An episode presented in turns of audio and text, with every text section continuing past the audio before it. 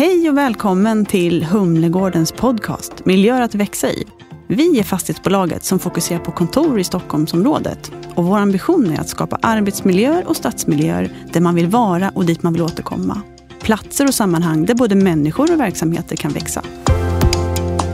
Vad är det som gör att du gillar att vara på en specifik plats? Och hur skapar man en bra upplevelse?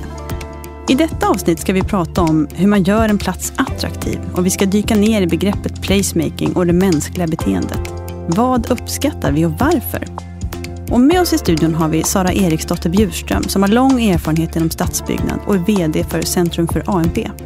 Arvid Axland är grundare till upplevelse och reklambyrån Pool och han har även skrivit en bok som heter Jakten på känslan. Vi har även Humlegårdens VD Anneli Jansson här. Och jag som leder samtalet, jag heter Madeleine Kastervik Holt. Då vet ni allt ni behöver veta tror jag. Vi kör igång.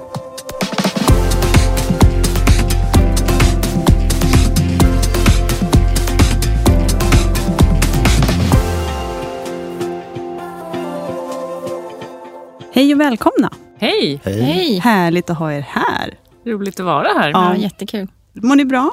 Jättebra. Ja. Härlig dag. Mm. Dagens ämne det föddes ur ett samtal om hur pandemin har förändrat våra vanor. Man använder ju staden på ett nytt sätt. Många har vallfärdat till parkerna och det har blivit viktigare och smidigare att handla lokalt. Man har saknat att vara på vissa platser. Man har kanske tyckt att det varit härligt att slippa vissa miljöer, samtidigt som man har hittat nya favoriter. Så därför ska vi prata om platser och upplevelser idag. Och då tänkte jag att som uppvärmning så ska jag göra en liten enkät här, helt enkelt. Och då börjar jag med dig Arvid. Eh, frågan då som ni alla får fundera lite på är eh, att eh, jag vill be er säga en plats i Stockholm som ni tycker har unikitet och karaktär. Som du tycker bjuder på en riktigt bra upplevelse. Vad säger du då Arvid? Det första som kommer till mig är Mys balkong. Mysbalkong? Mys balkong på Odengatan. Mhm.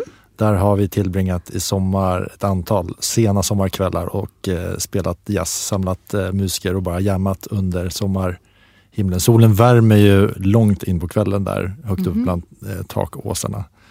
Åh, det låter härligt. Det är eh, fantastiskt energigivande. Men det är ju ingen offentlig plats. Jag jag misstänker skulle att det var här, lite fel svar. Men Nej, det för det mig in på Ja. att jag får väldigt mycket energi av att vistas på ett upphöjt ställe. Ah, Lite som vi befinner oss nu utanför, ovanför en fjärd här vid Münchenbryggeriet. Eh, och det som är glädjande i Stockholm är ju att det satsas mer och mer på tak. Mm. Eh, Ja. Det byggs paddelbanor och gym och barer och eh, verkligen. mötesplatser Mm.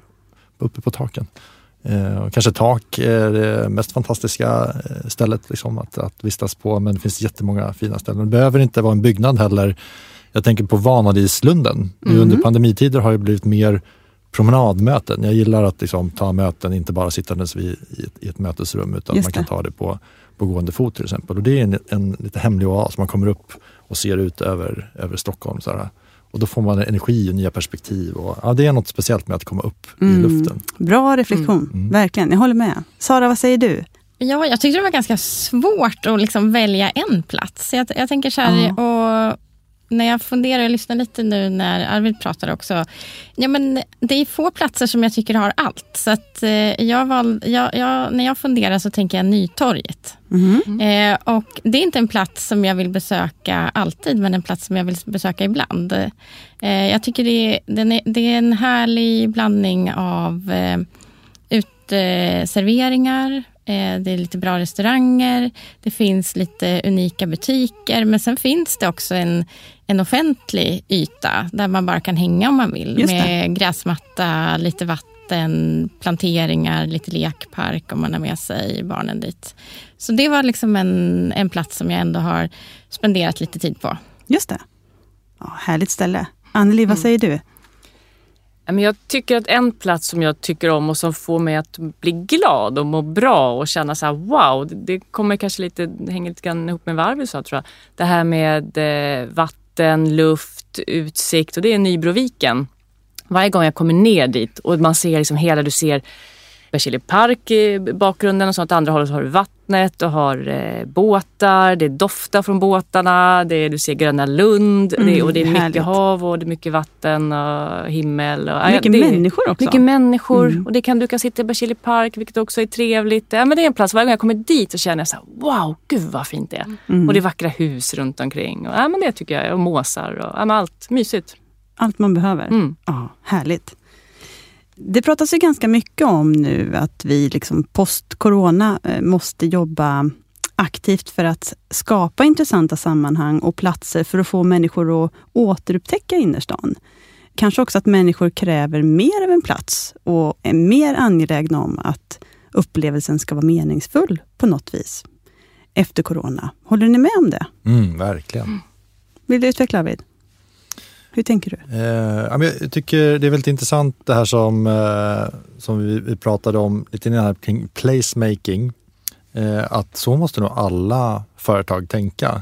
Eller, eller att man tänker sig att man är en destination som skapar ett positivt pirr i magen hos alla medarbetare. Att man besöker sitt företag, inte för att man måste utan för att man verkligen vill och Mm. längtar Mm. eh, att få göra det. Och då får man ju ta till de medel som skickliga destinationsutvecklare eh, använder. Det måste ge en fysisk upplevelse i form av häftiga lokaler och vad det nu kan vara som man bygger in i det där och, och events och liknande. Men det måste också vara en, social upplevelse, att det måste faktiskt vara folk där. Mm. Eh, för att om jag kommer till en fantastisk arbetsplats och så är det bara jag där, då hade jag lika bra kunnat sitta hemma. Mm. Och sen så måste det ge en, en personlig utveckling också. Så att, att, att man jobbar med de tre, tre dimensionerna när man utformar sitt kontor eller sin arbetsplats, det, det tror det. jag är centralt. Det är ditt tips till arbetsgivaren.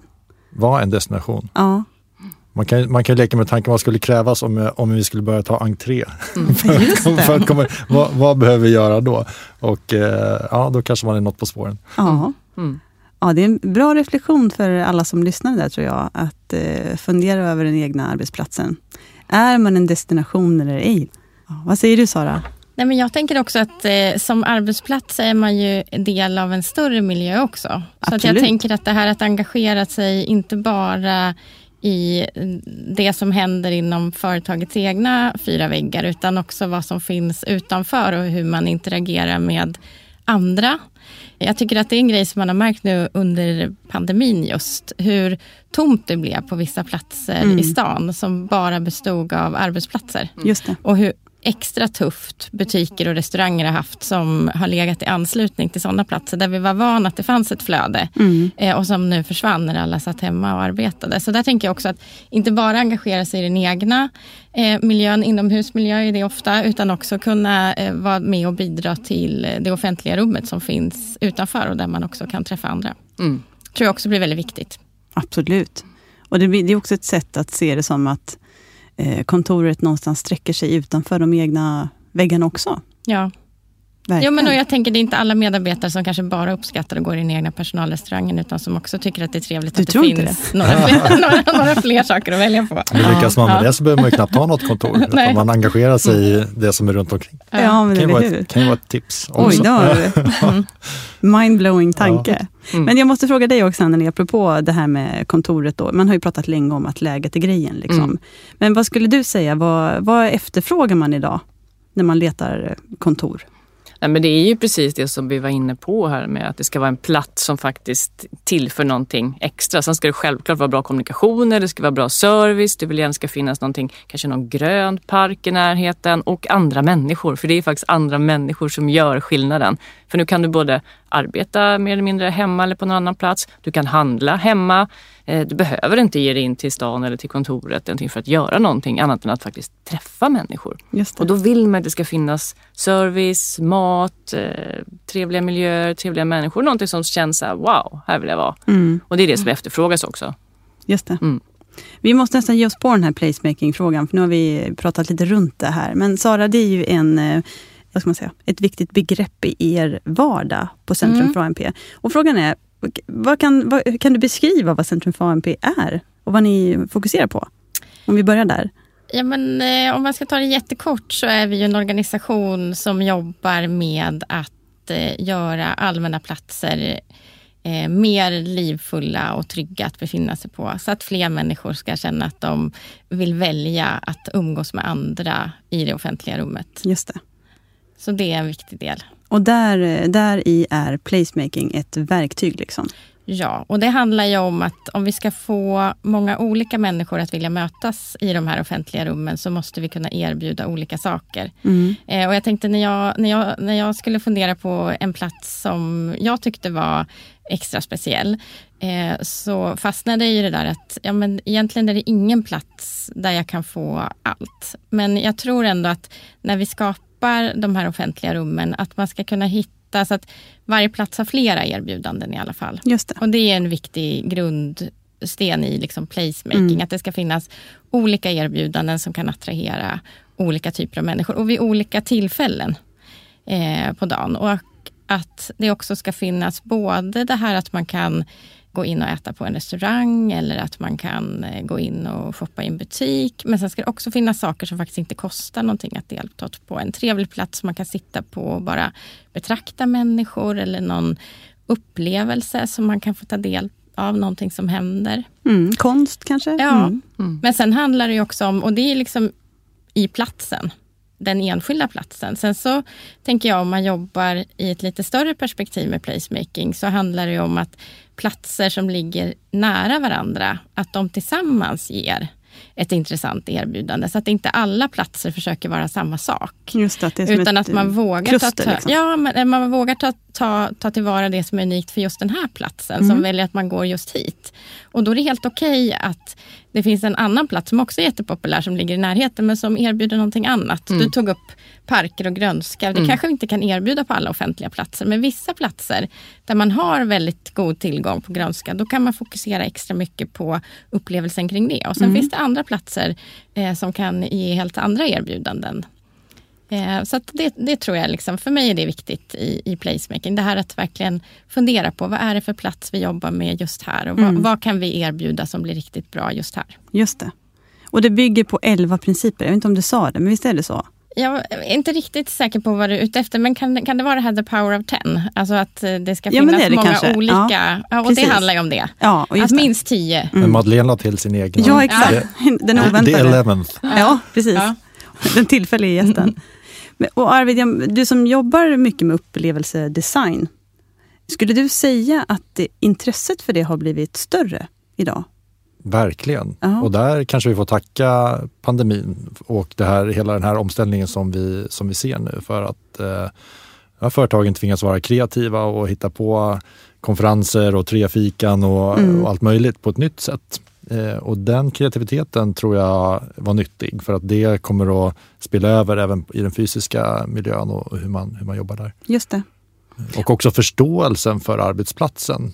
Eh, Det har du och jag pratat om vet jag Mm. Madeleine, att nu äntligen säger du har företagen förstått vad de behöver. Ja, men så är det ju. Ja, eller lite som, vi, pratar ju mycket om det, att eh, just kontorets roll har ju fått en är mycket med högre på agendan överallt. Och det är ju superhärligt att det är så. Och att bolag lägger mer tid på att eh, utveckla en strategi och verkligen fundera över, lite som du var inne på, vad vill man erbjuda? Mm. Hur vill man att arbetsplatsen ska vara? Men det finns ju en dimension i det här också om, om det blir viktigare för företaget att erbjuda en bra kundupplevelse och att det är medarbetarnas uppgift att leverera det så måste ju medarbetarna från första början få en bra upplevelse. Mm, så är det ju. Så, så där ligger det mycket press på företagen att till att börja med leverera en bra medarbetarupplevelse Mm. och designa den så att kundupplevelsen i slutändan kan bli top notch. Precis. Verkligen. Och skulle du säga att eh, företag generellt är bra på det? Eller finns det något sånt där? Har du något Mm, Nej. supertips? Nej. Nej. Man har börjat bli bra på kundupplevelser och så Ja. försöker man hoppa över det här steget. Men det är, det är ganska fattigt fortfarande när det gäller eh, upplevelsedesign för eh, ja, de egna Mm. leden. Det är ju ganska konstigt egentligen. Är inte det? Man tror inte att man får ROI på det. Alltså det är, en, en kundupplevelse ligger närmare försäljning och då Mm. ser man intäkten. Mm. Medar, medarupplevelsen är lite mer långsökt. Men det håller på att ändras. Mm. Och kanske är det så också att man tidigare inte riktigt har behövt fokusera på medarbetarupplevelser. Det var så självklart att alla ska vara inne på kontoren och arbeta och göra vad de ska göra Mm. viss tid. Och nu inser man att både med nya generationer, skulle jag säga, det har inte bara med pandemin att göra, att man också har andra krav på sin arbetsgivare, på sin arbetsplats och på sina kollegor och Mm. på den miljön man är. Så då, då krävs det liksom att man som företag någonstans lockar tillbaka medarbetarna, lockar medarbetare till kontoren och också att de tycker att det är riktigt nice att vara där. Mm. Att det är kul. Mm. Och då blir det ju bra kundupplevelser och det blir riktigt bra lönsamhet för företagen och det blir ringar på vattnet och alla mår bra och det är kul.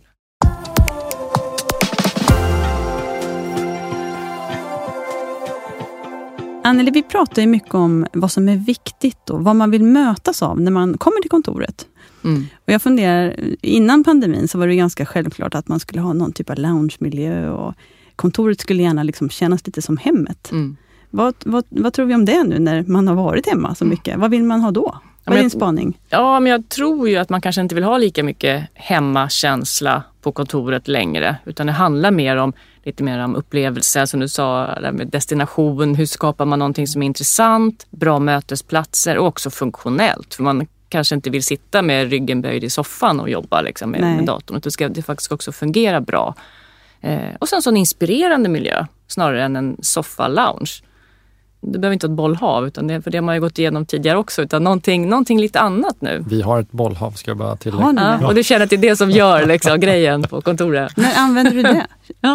Eh, Det används framförallt för, för att påminna mig om att allt är på lek. Alltså det, det är en Ah, så här ja. barnslig signal Mm, att så här, vad, det vi håller på med här är ju det är bara hittepå. Just det. Och om vi har den inställningen till vårt arbete då kommer vi att höja vår kreativa nivå och det kommer bli riktigt, bra saker. Så jag tror på liksom, den barnsliga injektionen Mm. som eh, bilden av bollhavet ger. Sen så ligger jag där ibland och läser och, och så. Det är väldigt vilsamt. Mm. Så det är något du kan rekommendera helt enkelt? Ja. Ja. Men vi heter ju Pool så att vi behövde ju liksom ha Ja. en pool. För innan eh, så knack, eller det kommer fortfarande folk att knacka på, för det står ju pool på gatan. Mm. Det var en australiensisk turistfamilj som kom och knackade på och ville komma in och bada. Det var innan vi hade bollhav. Ja. Så att nu eh, kan vi släppa in dem om de kommer. Wow, Mm. ja, men det är ju fint är att det en ni ändå, inbjudan? Ska vi komma och, och bada i bollhavet? Vad roligt. Ja. fint att ni ändå kan möta det. Då. Mm. Jag måste fråga dig också. Eh, jag eh, läste igen din fina, fina bok om, eh, om upplevelser. Den här är då skriven innan pandemin ska sägas. Och där pratar ni om det fysiska mötets återkomst. Och då beskriver ni att i, mm, digitaliseringens optimering av kundupplevelsen online har gjort det enklare för kunden såklart, men svårare för företaget att göra något slags minnesvärt avtryck. Och då menar ni att som motreaktion så, så ser ni tydligt att eh, kundevent och pop-ups och andra fysiska möten växer liksom som komplement till den ordinarie verksamheten. Då. För att eh, där får man det här personliga fysiska mötet med kunden och man får interagera med varumärket och så. Hur tror du att det kommer påverkas nu post-corona? Kommer den utvecklingen att fortsätta? Generellt kan man ju säga att ju mer sinnen som blir involverade i en upplevelse desto starkare är potential att bli. Då. Just det. Eh, och där har ju det fysiska mötet fler dimensioner, fler sinnen att, att spela på. Mm. Som eh, än så länge virtuella lösningar inte riktigt når, når upp till, då, även om det närmar sig. Eh, så det skulle jag säga. Sen så, du, det du tangerar är ju också att mycket av eh, kundupplevelsefokuset har ju handlat om att göra det så bekvämt som möjligt för kunden. Mm.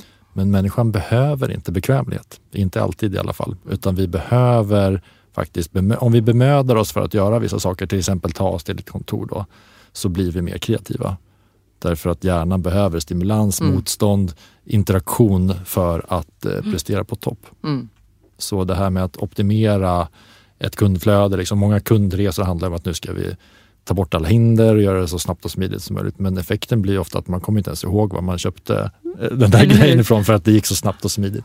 Och vad hände med liksom varumärket då? Ja. Där har Ikea lärt sig, där är det tvärtom. Där blir du liksom invallad på olika delar så finns det särskilda genvägar men det är ändå så du blir ju vallad. Liksom, Mm, hur du ska, ja, ja, precis. Det är man verkligen tänkt igen. Det ska inte vara enkelt. Du ska gå förbi ljusen och servetterna och allting. Liksom. Och så kommer man ihåg att det var där man handlade de här grejerna. Och det var rätt kul. Ja. Det ska bli intressant att se hur de, eh, de gamla knepen och lärdomarna Mm. kring fysisk butiksupplevelse Mm. förändras Mm. nu. Verkligen. För det är klart att vanorna har ju kanske blivit lite annorlunda. Ja, eller Mm. inte. Eller inte. Ja. Sara, jag vet att ni jobbar ju med Forumtorget i Uppsala nu. Ja, där ni gör en dedikerad satsning då enligt ANP-modellen. Ja. Och då säger ni att ni vill att den platsen ska bli upplevelserik och välkomnande eh, som mötesplats då, året om. Och berätta, vad gör ni då? Eh, Ja, alltså det finns ju flera initiativ i Sverige där man har jobbat med aktivering under sommarhalvåret. Mm. Så där finns det ganska många exempel på vad man gör och det gör ju även vi, de Mhm. sakerna. Vi, vi, vi har ju verkligen tagit oss an det här med att det ska vara året runt. Och vi, vad ska man säga, vi, vi kommer sikta in oss på att det ska vara en upplevelse för olika sinnen. Det kanske inte alltid kommer kunna vara aktiviteter när det är mitt i vintern och smällkallt. Vi kanske inte kommer kunna få människor att, att vilja delta i aktiviteter på torget under den tiden. Men när man passerar förbi, att man dröjer sig kvar en liten stund. Det kanske kan vara ambitionsnivån när vi pratar höst och vinter. Och då tror jag att det här att, att eh, man känner eh, härliga lukter. Eh, att man blir sugen kanske på att smaka något. Att det finns trevliga ljud. Att det är fin belysning. Mm. Men sen att det också ibland händer någonting helt oväntat Just det. eh, när man går förbi. Så att man blir sugen på att komma dit igen och undrar, undrar vad som händer nästa vecka Ja. eller när jag kommer hit nästa gång. Du sitter och nickar här nu Arvid. Ja, men Ja, det är musik, ljuv musik eller i hur? mina öron. Och hur har det tagit emot eh, det ni har gjort hittills då? Övervägande väldigt positivt, men det är ju väldigt roligt när man gör något i ett offentligt rum. Ja. Så eh, på något sätt så tillhör det ju alla, så alla känner sig också manade att kommentera det på olika sätt. Så att vi har ju fått, i Uppsala har vi satt upp några jättestora lampskärmar i så här, eh, färgglada, stormönstrade tyger som hänger över en gränd. Och där har vi fått allt ifrån, de är helt underbara, det är det bästa jag sett, till att hur kan någon ha, ha satt upp något så fruktansvärt smaklöst? Eh, och då kände jag så här, ja, vi var jätteglada att det Ja. som, alltså, Mm. att det väcker en reaktion och ett ja. engagemang. Verkligen. Att man ens orkar skriva att de tycker att det är det mest smaklösa som de någonsin har sett. Mm. De kanske uppskattar att de lyser om kvällen i alla fall. Precis. Ja, Och sen kommer det vara många andra saker också Ja. som finns. såklart. såklart. Hur tycker du att vi är, vi... är vi bra i Sverige på att jobba med de här frågorna? Nej. Det känns som en ledande fråga, givet att det finns så många nej, men organisationer. alltså, Jag tänker att eh, vi, vi att, eh, framförallt eh, sommargator har blivit superpopulärt. Nästan Mm. alla städer med lite självaktning har ju sommargator som man jobbar med. Och då stänger man av gatan, man sätter upp eh, några pelargonpelare och så ställer man ut några sittplatser och ibland så eh, ger man lite utrymme för någon uteservering och sen, Mm. ja, nu är vi klara. Eh, och jag tror att vi behöver göra lite mer Mm. för att få människor att vilja stanna på en plats lite längre stund. Vi har det. sett de här eh, pelargonpelarna Ja, det får man lov säga. sittplatserna som står mitt i gatan. Man blir lite osäker på vad man ska göra där. Och vem är det man ska titta på eller liksom... Ja, Ja. så att jag tror att vi behöver hjälpa människor att liksom eh, ja, men lite mer eh, aktivering som, eh, och några fler erbjudanden som jag pratade om innan. Det. det. är inte alla som känner att, att det är precis det som är, är det de söker när de går ut. Så att det har vi försökt att jobba med. Mm. Alltså hur kan vi hitta och hur kan vi inspirera människor till att göra olika saker på den här platsen tillsammans med andra. Och det eh, kan man sen hitta ett nytt intresse som man fortsätter med på någon annan plats så är väl det fantastiskt. Vi har till exempel haft en schackförening nu när det här, ni vet Queens Gambit, den Ja, här det. tv-serien Ja, som har varit så populärt Mm. med schack. Mm. Då har vi haft en schackförening som har varit ute på torget och det har varit fantastiskt att se. Mm. Alltså vissa går ju in för det. De Ja. går dit målmedvetet, sätter sig mitt emot en av de här killarna, för det är mest killar faktiskt Mm. i den här klubben, och spelar en match. Men sen så ser man också hur de där som kommer smygande och som står och tittar lite och ställer sig lite på sidan Vad av och sen lite sakta närma sig och, och, och slå sig ner. Och jag, jag tänker så här, det, det är också ett sätt sådär när man är ensam. Mm, alltså verkligen. att kunna besöka en plats och inte behöva tänka att det är så himla konstigt att jag är själv. Utan Nej. jag kan, jag kan ansluta mig Mm. till de här andra som håller på med någonting här. Istället för ni vet, gå in och sätta sig på en uteservering helt ensam är fortfarande lite sådär Mm. Ja, utpekande. ja, det kräver nog lite av den som gör det fortfarande.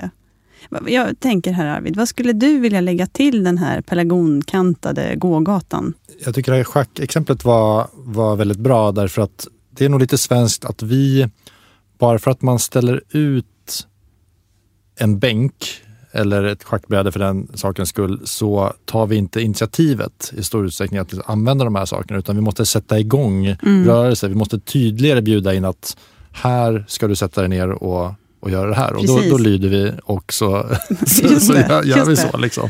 Eh, så att lite mer hjälp på, på traven eh, att engagera människor. Gnistan där liksom. Ja, tända gnistan. Mm. Många är väl så försynta, man är så försiktig. Man känner, mm. får man sitta här? Är det okej okay mm. eller inte? En allmän parkbänk, det vet man att man får sitta på. Men här, här vet man inte riktigt. Är det okej? Okay? Får jag sitta här och äta? Eller får jag ha en hund med mig? Mm. Får jag ha barnen klättra lite här? Eller kan någon bli mm. alltså, Som du säger, så det behöver man nog mera inbjudning att det är okej. Okay. Jag var delaktig i att ordna ett 75-årsfest eh, förra helgen. Mm. Och då jubilaren tänkte så här, men vi, vi sätter ut lite, lite bollar, badmintonnät och krocket och så vidare så kommer väl folk att och, och ja, greppa och köra ja, på. Liksom. Men det gör, ju, det gör man ju inte. Så att jag ordnade en eh, frisbeegolftipspromenad. Mm, De blev så här uppstyrt åt mm. vilka vill vara med, alla vill ju vara med. Ja. Och sen så, så gick man den här, ja men lite uppstyrt. Jag tror mm. att människor behöver knuff i ryggen, mm. lite mer ramar. Det här mm. förväntas man göra i den här situationen. Ja, det är intressant det som du sa Anneli med det här man vet inte riktigt. Nej. Så om man funderar på hur människor vill sitta. Att sitta på rad på en bänk är ju liksom inte optimalt om man vill sitta och prata med någon och umgås. Så vi köpte in ett antal bord och stolar som är lösa som vi ställde upp tillsammans med de här liksom långa sittbänkarna som mm. då finns just i Uppsala. Eh, och först så var det ingen som satte sig där. Så fick vi skriva lappar så här och sätta på varje bord. Här är du välkommen att sätta dig ner för att bara slappna av. En inbjudan. matlåda, dricka en kaffe, vad ja. du nu vill göra. Eh, och sen så började det fyllas på. Mm. Eh, och eh, bland annat så, så, gick jag förbi där och satte två äldre damer. De var nästan först att mm. sätta, ner, eh, sätta sig ner vid en sån här grupp. Och så jag började småprata lite med dem. Ja, för nu kan man ju sitta här. Du vet, vi vill ju inte sitta på rad. Utan vi vill, och det finns ett bord. Så då känns det som man kan sitta. De hade ingenting på bordet, men det finns ett bord. Ja. Då känns det mer naturligt Inramningen liksom. Ja. Mm. Um, så att det är också sådär eh, hur, mm. ja, men hur det möbleras och hur, ja. det, hur det kommuniceras kring. Mm. Och det är ju verkligen en känsla. Om, man, om det känns inbjudande och det känns bekvämt och okej okay att sitta där man sitter. Eller, eller om man sitter liksom att gud, jag känner mig helt uttittad eller jag känner som jag sitter på fel plats. Eller, mm. det, känslan är inte skön. Nej. Och det vet man inte riktigt vad det beror på. Nej. Det behöver man hitta liksom, vad det är som gör det. Mm. Ja, den gemensamma nämnaren är väl där liksom att oavsett om det är ett eh, kontor eller en offentlig plats eller vad det är, så måste det ju finnas en... Eh, liksom gestaltningen behöver vara omsorgsfull verkligen. Mm. Att man känner att man har tänkt på användaren mm. och som ni säger, är tydlig och så. Mm. Det är väl en, eh, en bra, ett bra riktmärke sådär, mm. oavsett vad man ska ta sig an mm. helt enkelt. Jag, jag tror också att det är viktigt att man kan känna att man kan vara med alltså när man som besökare, att också få påverka det lite grann. Ja. Alltså vi har ju bland annat lagt ut, vi köpte in massor med mjuka kuddar eh, helt vanliga kuddar mm. och, som vi har lagt upp. Som, och då kan man, man kan ju flytta runt. Man kan, någon sätter sig på kudden, någon sätter den bakom ryggen. Någon vill ha den i knät för att ha händerna på. Och så där. Man har använt det på väldigt mycket olika sätt. Och en kommentar som vi fick, så här, de där kommer ju försvinna allihopa.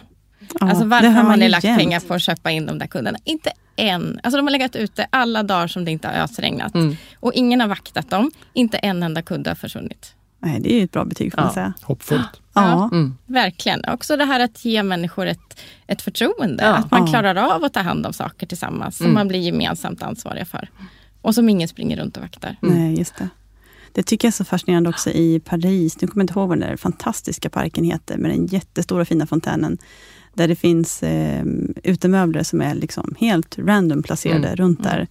Eh, som då är helt lösa och som svensk blir man så här, herregud, kan, vem, vem tar hand om de här? Åker någon och hämtar upp de här nattetid och ställer ut dem igen? Men de verkar ju stå där. Liksom. Mm. Mm. Men det är samma nere vid Riviera, man tittar på även i Italien och Frankrike nere vid vattnet. De här mm. stolarna som står utställda. Skulle de stå i Stockholm känns som, då tror man att de skulle bara kasta sig mm. över kajkanten. Liksom. Mm. Men där står de och där kan man sätta sig ner när man vill själv och det är härligt att sitta ner själv och bara titta ut över vatten eller över en park. Ja. Eller, och det känns inbjudande och, och vilsamt. Det kanske är en gammal sanning det här att grejer ja. blir snodda bara. Ja. ja. vi får uh, utmana den helt ja, enkelt. Verkligen. Mm. Mm. Jag, jag kommer tänka på det när vi pratar om medskapande där Sara. Det brukar du också prata om Arvid, eller hur? Ja, det man har varit med om och tagit fram tycker man ofta är en bättre idé än det som någon annan har just serverat. Just det. Så, så enkelt är det ju. Ja. Mm. Kan det tillämpas i det offentliga rummet också tror du? Ja, varför inte? Ja. Jag kan ge ett exempel. Eh, Ett halvoffentligt rum i alla fall. Jag var på en sandskulpturutställning i en dansk eh, ort som jag glömt bort namnet på. Eh, Då kommer vi att titta på de här fantastiska skulpturerna. Men det största värdet från den här eh, utställningen är ju att det finns en sandlåda där man får bygga sin egen skulptur och Mm, fota det. och, och så vidare. Och det, de skulpturerna tycker deltagarna är minst lika, eller upplevelsen av att få fått göra själv Ja. blir minst lika värdefullt som att ha tittat på de här fantastiska konstskulpturerna. Mm. Så att, ja, Man tar lika många bilder på det som på den där fantastiska det, så det behöver egentligen grejen. inte vara så hög kvalitet om jag får vara med och göra det själv. Mm. Något att ta med sig det Sara kanske? Absolut. Ja, får se hur. Absolut. Det är också en utmaning. Jag jag gissar att även, inte bara vi som organisation har det, utan även andra organisationer, det här att människor är också lite trötta på att svara på frågor om Mm. sin upplevelse av saker och behöva liksom engagera sig och förklara hur man vill ha det.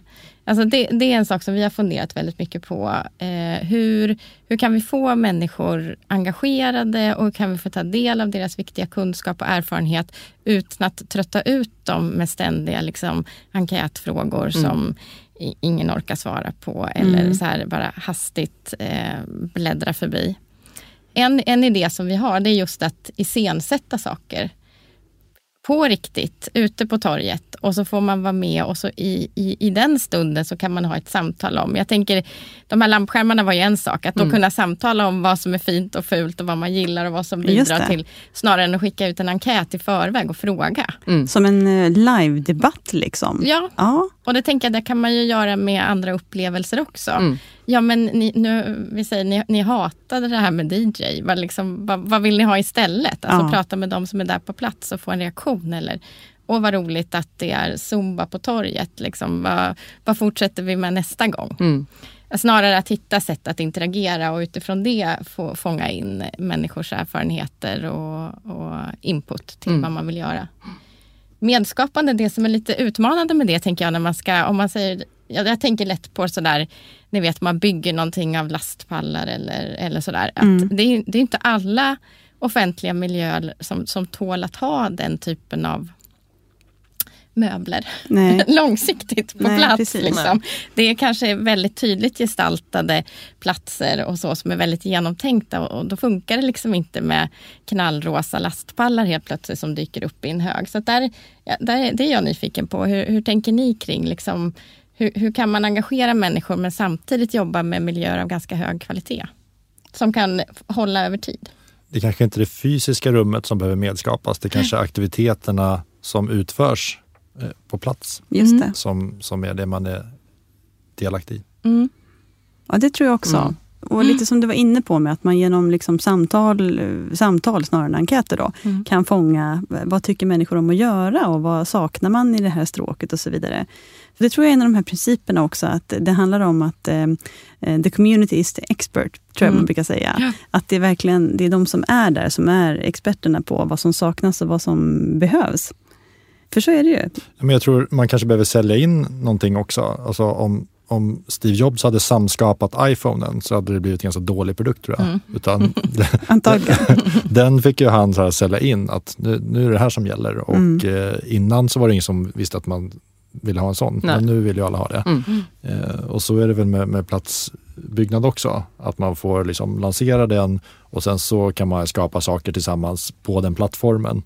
För, Precis. för att jämföra med iPhone. Vi skapar Mm. massvis tillsammans på den men den är designad eh, utan inflytande från, från kunderna. Mm. Vi Och sen utgår- kanske man märker, tänker jag också, vad som fungerar och vad som inte fungerar. Vad man gillar och inte gillar. För det är lite grann samma på en arbetsplats. Man kan se vilka platser är det som faktiskt används. Var vill människor vara? Mm. Samma som i offentliga miljöer. Man kan, och då är det ganska tydligt att se vart går människor och vart vill man sitta? Vart vill man vara? Vissa platser blir varma, där vill, där vill många vara. Andra platser kan där vill ingen vara. Och då kan man dra slutsatser från det och försöka göra fler av de här platserna som uppskattas och som där, där man faktiskt vill vara. Lite Mm. feng shui-tanke liksom runt det. Och just testa olika saker och se vad som fungerar. Och det är nog verkligen ett bra tips tror jag, nu när man, om vi ska prata om kontoret. Liksom. Hur, vad gör man när folk ska börja komma tillbaka igen? Mm. Eh, Att man faktiskt lägger lite tid och energi på att göra de där undersökningarna Mm. och se hur folk rör sig och, och vad som, vad, som, vad som gillas, vad som inte gillas, Mm. vad som funkar, vad man vill, behöver mer av och så Ja, vidare. och våga göra om, våga Ja. testa, våga göra annorlunda och sen så får man se och vad är det som fungerar och då gör vi mer av det och mindre av det som inte funkar. Visst. Eller så kanske det fungerar bättre vid ett annat tillfälle. Ibland behöver man också vänja sig vid någonting. Ja, Så man först känner så här, det här känns inte bra. Och så, så provar man och så provar man några gånger till. Om man har provat en iPhone tio gånger då kanske så inser man att det här är precis vad jag vill ha. Och början fattar man inte alls vad man skulle med den till. nej. Men det känns, kan man inte vara utan. Det är ju samma så med många saker tror jag. Och jag, jag, jag tror att det där är som sagt bra tips att ta med sig och bra tips att eh, också bjuda in till den här diskussionen om de här frågorna för att kunna samskapa tillsammans och för att kunna fånga vad som är uppsidan, vad som behöver bli bättre och så vidare.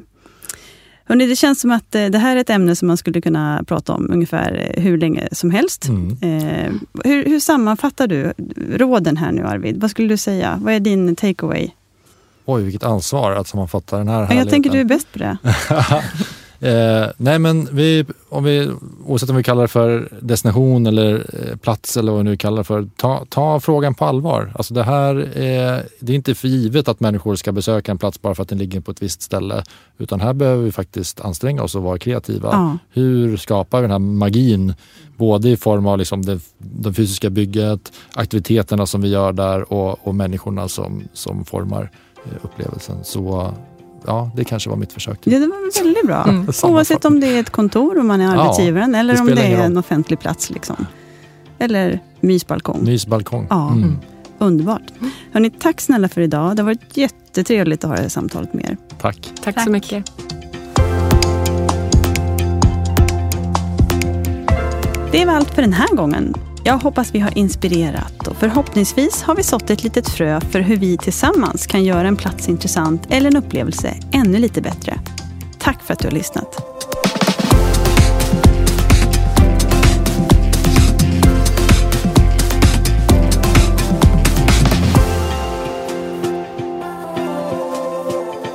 Det här programmet görs på Beppo. Beppo.